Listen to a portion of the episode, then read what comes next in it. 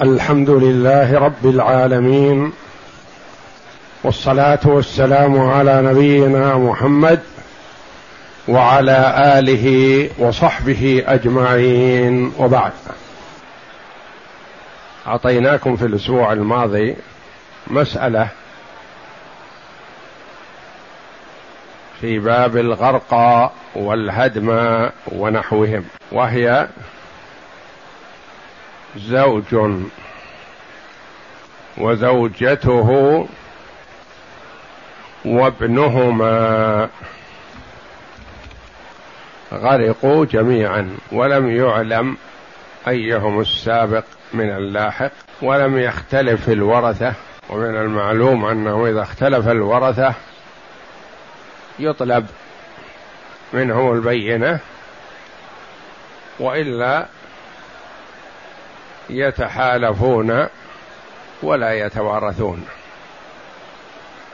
لكن إذا قال الوارث إن كان لي شيء فأعطوني إياه وإن لم يكن لي شيء فلا أريد ما ليس لي.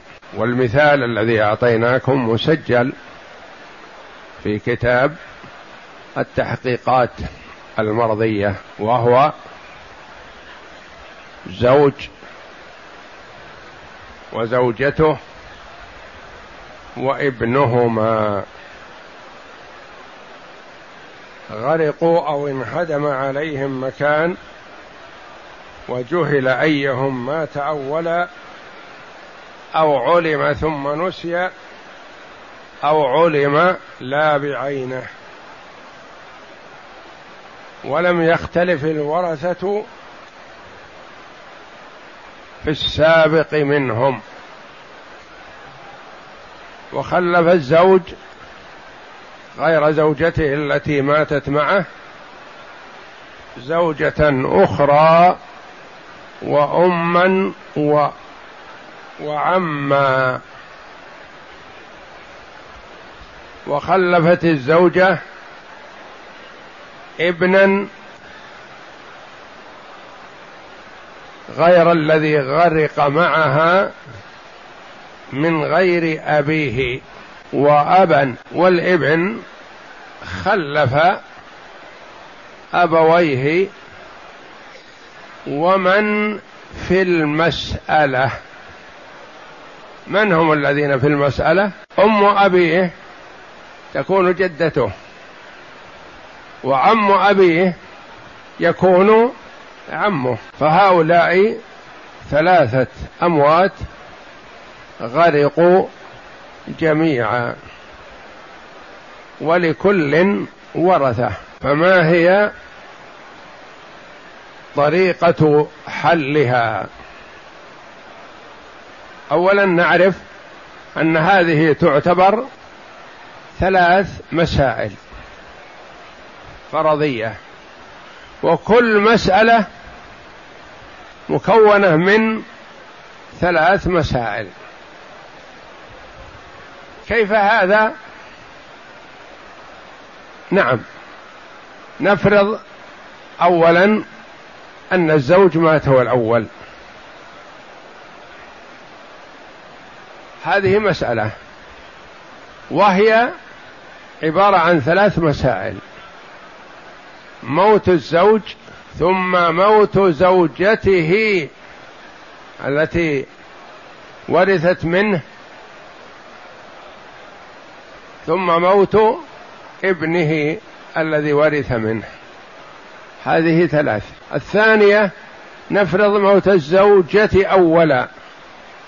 فتكون مسألة الزوجة ومسألة الزوج الذي مات معها ومسألة الابن الذي مات معها. ثلاث مسائل. ثم نفرض أن الابن مات أولا فتكون المسائل ثلاث. ميراث أبويه منه ثم ميراث أبيه منه ثم ميراث أمه منه. هذه تعتبر ثلاثة أموات ثلاث مسائل. كل مسألة مكونة من ثلاث مسائل. والجامعات كم؟ ثلاث الجامعات. المسألة الأولى اللي مكونة من ثلاث مسائل لها جامعة. والمسألة الثانية لها جامعة. والمسألة الثالثة لها جامعة. وجامعاتها متفاوتة والأموات هم زوج وزوجته وابنهما. ولكل واحد من الثلاثة ورثة غير من ماتوا معه.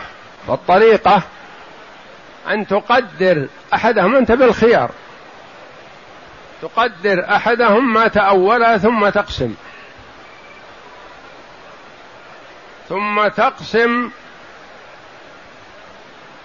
نصيب شريكيه في الوفاة على ورثتهما. ثم تقدر الثاني ما تأولا ثم تقدر الثالث ما تأولا. ولا حرج في أن تقدر الزوج مات أولا ثم تجون مسائله. أو تقدر الزوجة ماتت أولا وتحل مسائلها. أو تقدر الإبن مات أولا وتحل مسائله. وكل مسألة مكونة من ثلاث مسائل. لأن مسألة الميت أنت قدرته مات أولا ثم مسألة شريكيه في الوفاة. من مات معه تجعل للزوج مسألة الذي هو إذا قدرت الإبن أول مات تجعل للأب الذي هو أب. ثم للأم التي هي الزوجة. وهكذا. فهي ثلاث مسائل في ثلاث مسائل. كل مسألة مكونة من ثلاث مسائل. والمهم أن تعرف الطريقة طريقة الحل.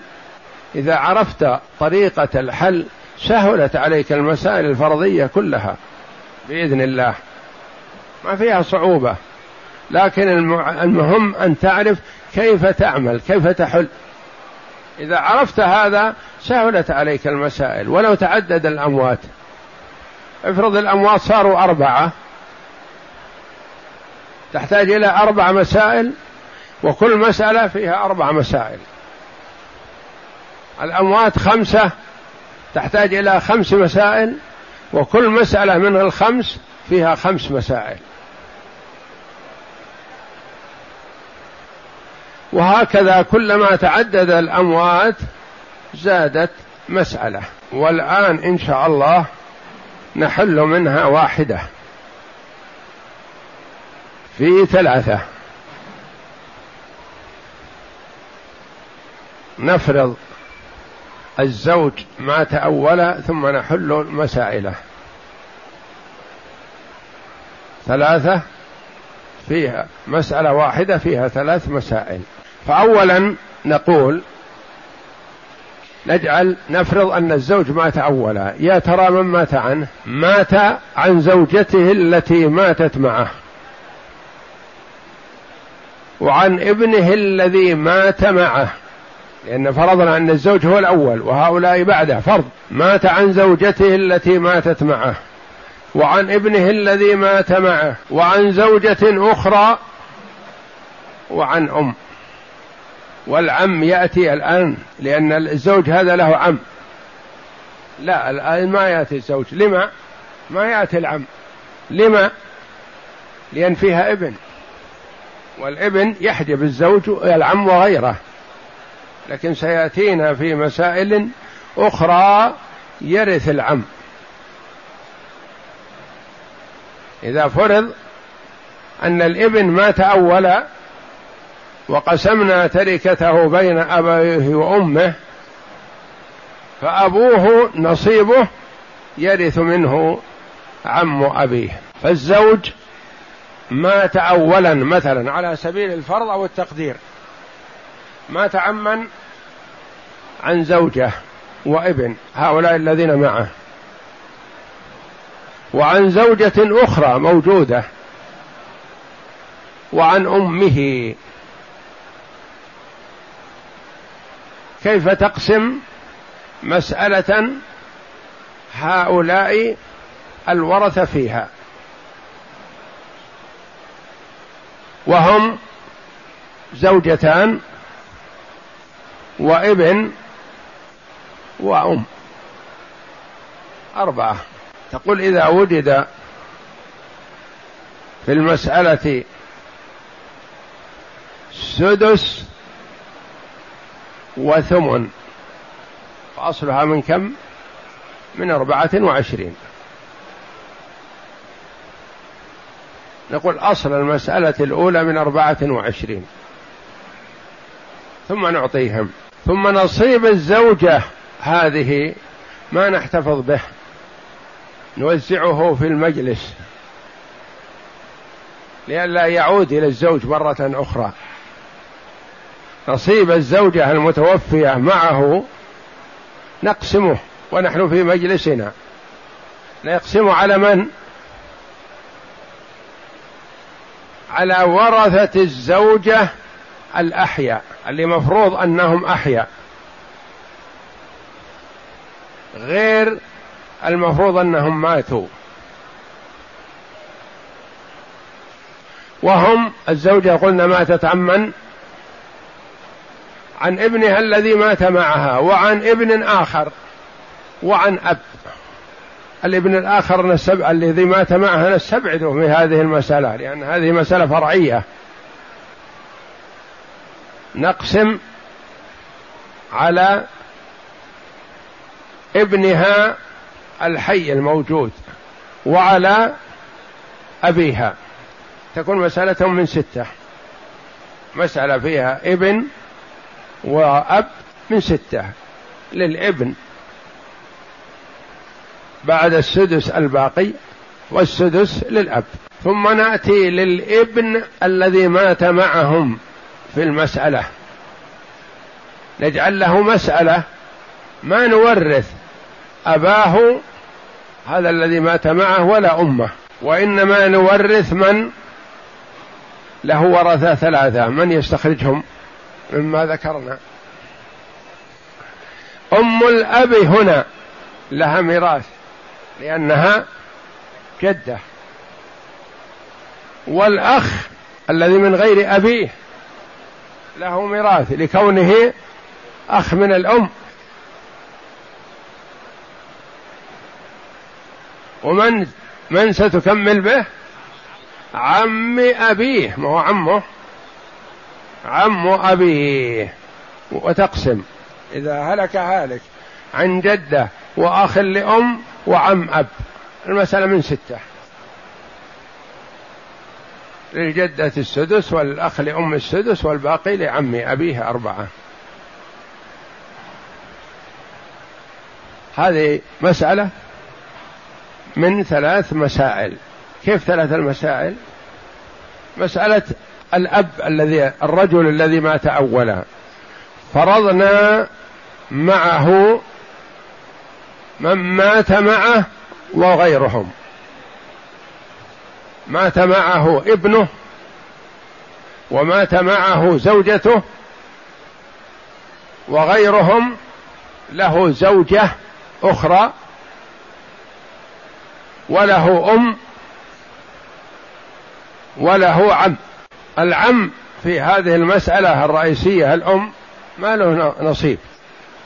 لوجود الابن المفروض أنه حي. صححنا المسألة الأولى الرئيسية من كم؟ من أربعة وعشرين ثم صحت من ثمانية وأربعين لما؟ لأن نصيب الزوجتين الثمن ثلاثة ما تنقسم الثلاثة على الزوجتين فضربنا رؤوس الزوجتين اثنان بأصل المسألة أربعة وعشرين صحت من ثمانية وأربعين. فالأولى صحت من ثمانية وأربعين. والثانية مسألة الزوجة ميراث الزوجة على ورثتها صحت من ستة. والثالثة مسألة الإبن صحت كذلك من ستة. أولا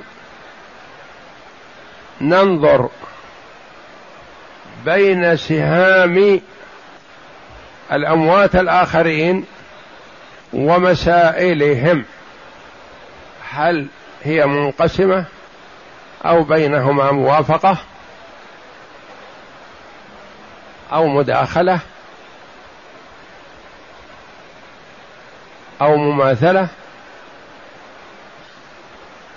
بين ماذا؟ بين السهام وأصل المسألة الثانية والثالثة. ثم نثبت المثبت في حال الموافقة نثبت الوفق وفي حال المباينة نثبت الكامل. ثم ننظر بين المثبتات. بين المثبتات لهذه المسائل. بالنسب الأربع وما تحصلنا منه يكون بمثابة جزء السهم. يضرب في المسألة الأولى والناتج هو الجامعة للمسائل الثلاث. ثم نقسم الجامعة على المسألة الأولى. وما تحصل من القسمة فهو كجزء السهم للمسألة الأولى. ثم نقول من له شيء من المسألة الأولى أخذه مضروبا في جزء سهمها. فإن كان حيا أخذه. وإن كان ميت من الأموات في المسألة قسم على مسألته. والناتج هو جزء سهم مسألته هذه. ومن له شيء منها أخذه مضروبا في جزء سهمها. وإن ورث من المسألتين جمعا له كما سيأتينا. في بعضهم يرث من المسألتين. وهو في المسألة التي معنا من يا ترى؟ الأم تأتي جدة في المسألة الثانية. وعندنا ابن في المسألة الثانية يأتي أخا لأم في المسألة الثالثة. اقرأ. تقدير موت الزوج أولا. لأن المسألة زوج وزوجته وابنهما. نعم. بسم الله الرحمن الرحيم. الحمد لله رب العالمين والصلاة والسلام على أشرف الأنبياء والمرسلين نبينا محمد وعلى آله وصحبه أجمعين. قال المؤلف رحمه الله تعالى تقدير موت الزوج أولا وورثته زوجتان وأم وابن. ومسألة زوجته مسألة من كم؟ مسألة زوجتان. اعرف أن إحدى الزوجتين ممن مات معه. لكن تأخذ من ماله القديم.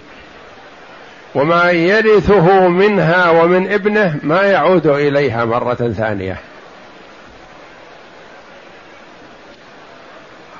الهالك الزوج عن زوجة ماتت معه. تأخذ نصيبها. أين يكون نصيبها؟ توديه لورثتها هي.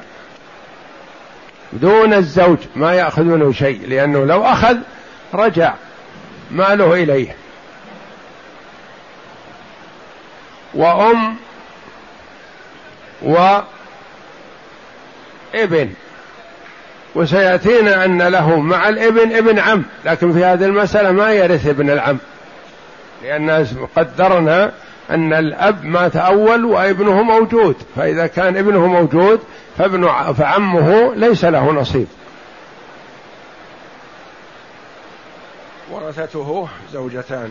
وورثته زوجتان وأم وابن ومسألتهم من أربعة وعشرين وتصح من ثمانية وأربعين. معروف. مسألتهم من أربعة وعشرين لأنها فيها ثمن وسدس. وصحت من ثمانية وأربعين لأن للزوجتين ثلاثة والثلاثة غير منقسمة على الزوجتين فنضرب رؤوس الزوجتين في أربعة وعشرين تصح من ثمانية وأربعين ليكون للزوجتين ستة بدل ثلاثة كل واحدة تأخذ ثلاثة نعم.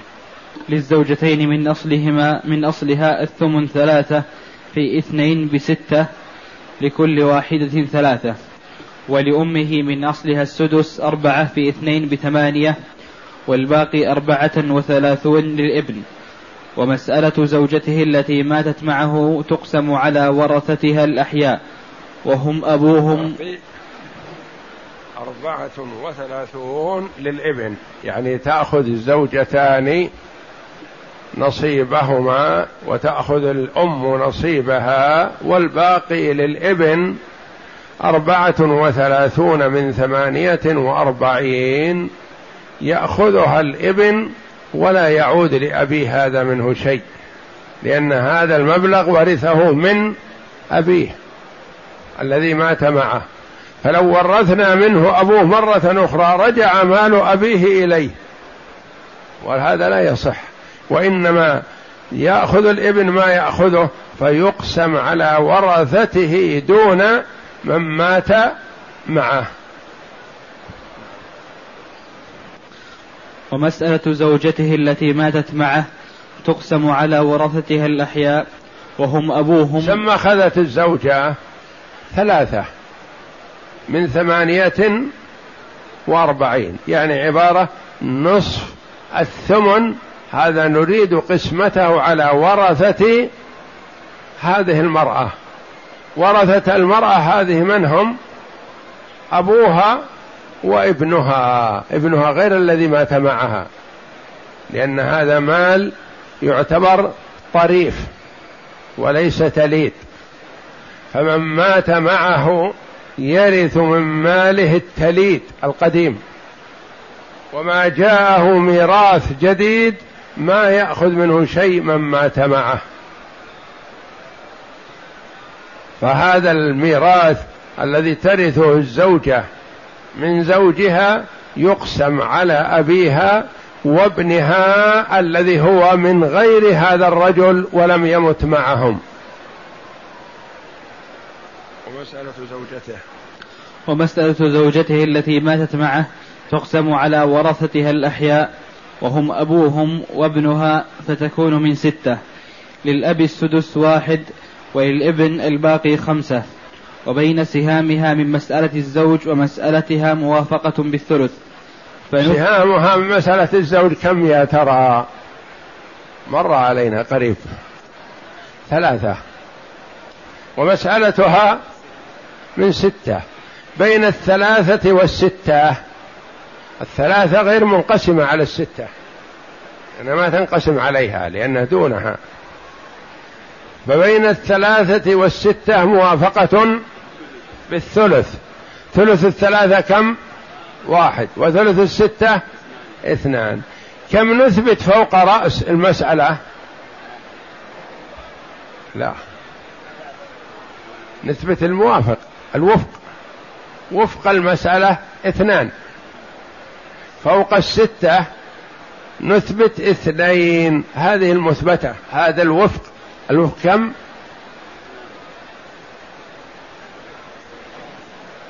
الستة وفقها يعني بين الثلاثة والستة. موافقة بالثلث. فثلث الثلاثة كم؟ واحد. وثلث الستة اثنان. فنثبت الآن معنا اثنين لأنها الوفق. والثلاثة هذه الموضوعة فوقها في الكتاب يأتي لها حل الآن. نعم. وبين سهامها من مسألة الزوج ومسألتها موافقة بالثلث. فنثبت وفق مسألتها اثنين ومسألة الابن الذي مات معه على هذه مسألة أخرى المسألة الثالثة. مسألة الابن الذي مات معهما. نعم.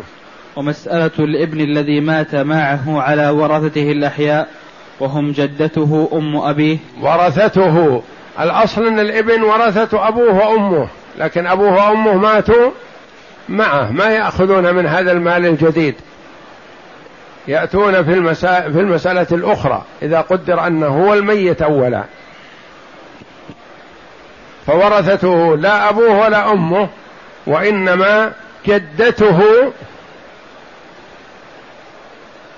وأخوه من الأم وعم أبيه. ثلاثة. ومسألة الإبن الذي مات معه. ومسألة الإبن الذي مات معه على ورثته الأحياء. وهم جدته أم أبيه وأخوه لأمه وعم أبيه فتكون من ستة. للجدة السدس واحد وللأخ لأم السدس واحد والباقي أربعة للعم. وبين سهامه من مسألة أبيه ومسألته هو توافق بالنصف فنثبت وفق المسألة ثلاثة وننظر بين سهامه من مسألة أبيه كم؟ أربعة وثلاثون. ومسألته من ستة. الستة لها سدس لكن الأربعة والثلاثون ما لها سدس. لو كانت اثنان وثلاثون حسنت لكن لا أربعة وثلاثون. الأربعة وثلاثون لها نصف والستة لها نصف فهي يتفقان في النصف. فنثبت وفق المسألة وهو ثلاثة. وفق المسألة ثلاثة. فإذا المثبتات عندنا في المسألة الوسطى اثنان. والمسألة الأخيرة ثلاثة.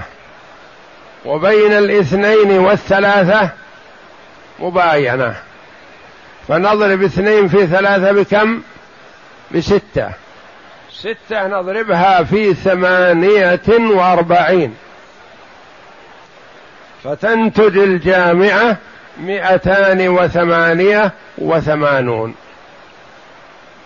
عرفنا كيف استخرجنا الجامعة. أثبتنا وفق المسألة الثانية. وفقها كم؟ الثالثة ثلاثة. نظرنا بين الاثنين والثلاثة. وجدنا بينهما مباينة. ضربنا الاثنين في الثلاثة فينتج ستة. ستة نضربها في المسألة الأولى الستة. ستة في ثمانية وأربعين. ستة في ثمانية وأربعين. أضرب. ستة في ثمانية وأربعين. ستة في الأربعين. مئة وعشرين. ومئة وعشرين. مئتان وأربعون. و ستة في ستة في ثمانية ستة في ثمانية بثمانية وأربعين. ثمانية وأربعين مع مئتان وأربعون تتم مئتان وثمانية وثمانون. يعني تضربها على أي طريقة ضربت. معروفة طريقة الضرب. إذا ضربت ثمانية وأربعين في ستة فالناتج مئتان وثمانية وثمانون. هذه الجامعة. هذه الجامعة للمسائل الثلاث. الطريقة بعد استخلاص الجامعة نريد أن نخرج جزء السهم من المسألة الأولى. كيف نعمل؟ نقسم مئتان وثمانية وثمانون على ثمانية وأربعين. كم ينتج؟ ستة اللي ضربنا فيها قبل قليل.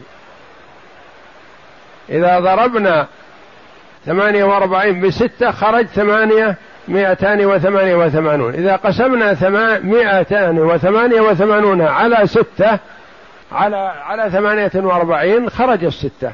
خرجت الستة التي ضربنا بها. والستة هذه نعتبرها بمثابة جزء السهم للمسألة الأولى.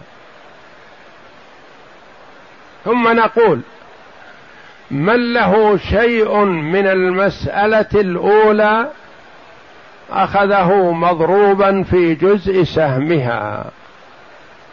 فإن كان حيا أخذه. وإن كان ميت قسم على مسألته والناتج هو جزء سهم هذه المسألة. فمثلا نقول أول ما يصادفنا الزوجة الميتة. كم لها من المسألة الأولى؟ لها ثلاثة. لها ثلاثة. مضروبة في جزء سهم المسألة الأولى. ثلاثة في ستة. بكم؟ بثمانية عشر. ثلاثة في ستة بثمانية عشر.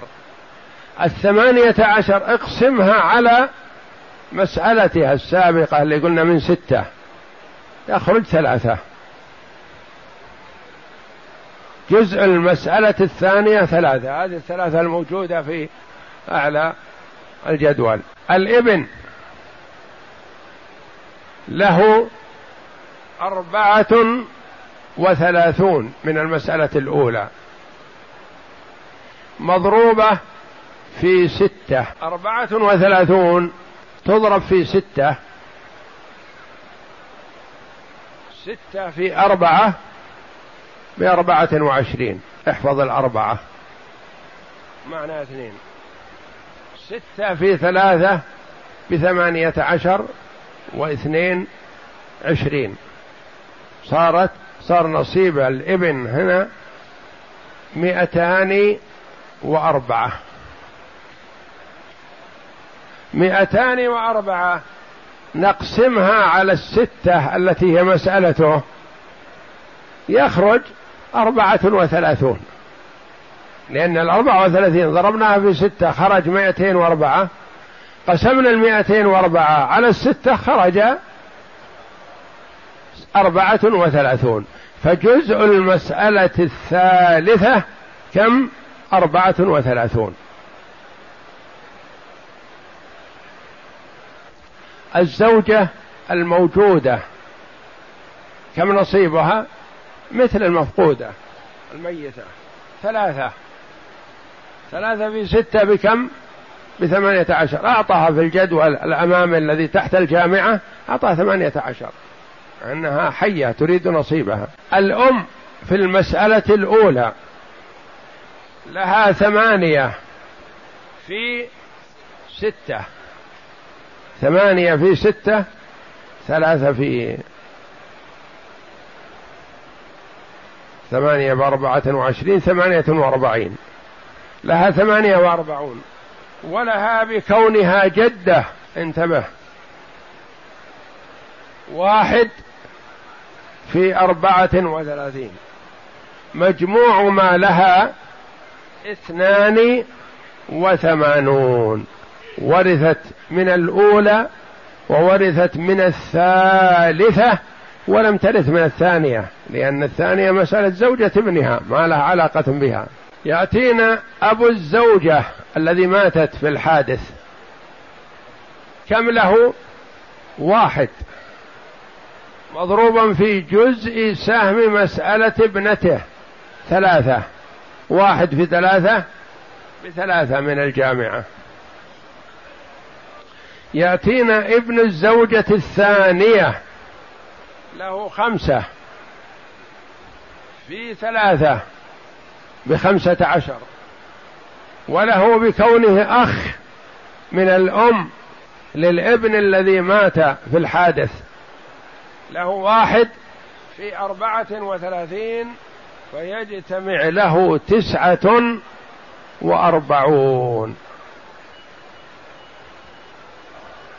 عم أبيه ورث من الإبن أربعة في أربعة وثلاثين بمئة وستة وثلاثين.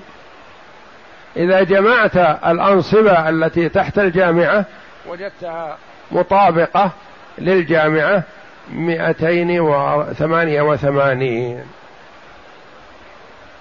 هذا على تقدير أن الزوج مات أولا. فورثته زوجته الميتة وورثه ابنه الميت معه وورثه وورثه زوجته الموجودة وأمه ورثه. ثم نصيب الزوجة التي ماتت ما نعيد على عموم الورثة وإنما نعطيه لورثتها فقط الأحياء الموجودين وهم ابنها من غير هذا الرجل وأبوها على ستة. ثم نصيب الابن هذا الذي ورثه من أبيه نقسمه على ورثته من غير الذين ماتوا معه. فأمه ما تأخذ منه شيء لأنها ماتت معه وهذا ماله الطريف الجديد. وأبوه ما يأخذ منه شيء لأنه أخذه هذا من أبيه فأبوه ما يرث منه فيأخذه ابن عم عم أبيه. فقسمنا ميراث الزوج على عموم الورثة الأحياء والأموات. وقسمنا ميراث الزوجة الميتة على الأموات على الأحياء من ورثتها فقط وقسمنا نصيب الإبن من ميراثه من أبيه على ورثته الأحياء فقط.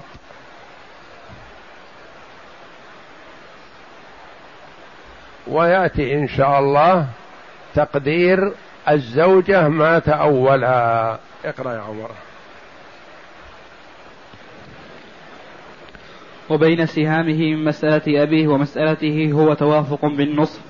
فنثبت وفق المسألة ثلاثة وننظر بينها وبين وفق مسألة الزوجة اثنين. نجد بينهما التباين فنضرب فنضرب أحدهما في الآخر. نضرب أحد إحداهما في الأخرى مثلا أو أحدهما في الآخر ما يصلح. نعم. فنضرب أحدهما في الآخر. يحصل ستة. نجعلها كجزء السهم نضربه في المسألة الأولى مسألة الزوج ثمانية وأربعين يحصل مئتان وثمانية وثمانون وهي الجامعة. الجامعة للمسائل الثلاث. نعم. وكل من له شيء من مسألة الزوج أخذه مضروبا في الستة فللأم ثمانية في ستة بثمانية وأربعين ولزوجته الحية ثلاثة في ستة بثمانية عشر ومثلها لزوجته الميتة تقسم على مسألتها ستة يحصل ثلاثون تكون كجزء السهم يحصل كم؟ يحصل ثلاثة تكون كجزء السهم لها فلأبيها من مسألتها واحد في ثلاثة بثلاثة ولابنها الحي خمسة في ثلاثة بخمسة عشر وللابن الميت من مسألة الزوج أربعة وثلاثون في جزء, في جزء سهمها ستة يحصل مئتان وأربعة نقسمها على مسألته ستة يحصل أربعة وثلاثون تكون كجزء السهم. لها تضرب بها سهام ورثته فللجدة واحد في أربعة وثلاثين بأربعة وثلاثين ولها بكونها أما في المسألة الأولى ثمانية وأربعون فيجتمع لها اثنان وثمانون. ولأخيه من الأم من مسألته واحد في أربعة وثلاثين بأربعة وثلاثين وله من مسألة الزوجة بكونه ابنا خمسة عشر فيجتمع له تسعة وأربعون ولعم الأب أربعة في أربعة وثلاثين مئة وستة وثلاثين وهذه صورتها. إذا عرفت الطريقة والخطوات التي اتخذناها وسرنا عليها سهل بإذن الله. ومسألة ثم نقدر مرة أخرى مسألة جديدة. نقدر الزوجة ماتت أولا ونقسم على هذه الطريقة. ثم نقدر الابن مات أولا ونقسم على هذه الطريقة. من حل هذه مسألة الزوج على هذه الصفة يرفع يده. إلا. زين. الحمد لله. هذه ما هي سهلة فيها شيء من الصعوبة. اللي يحلها مجيد في الفرائض بإذن الله. ولعل المسألة الثانية إن شاء الله يحلها أكثر لأنها عرفنا الطريقة ونسير فيها في تقدير الزوجة ماتت أولا على هذا المنوال. ويحصل الإنسان أن يحاول قبل أن يرجع إلى كتاب التحقيقات المرضية. ولا هو عندكم. لكن قبل أن يرجع إليه يحاول أن يحل. أحسن له. والله أعلم. وصلى الله وسلم وبارك على عبده ورسول نبينا محمد وعلى آله وصحبه أجمعين.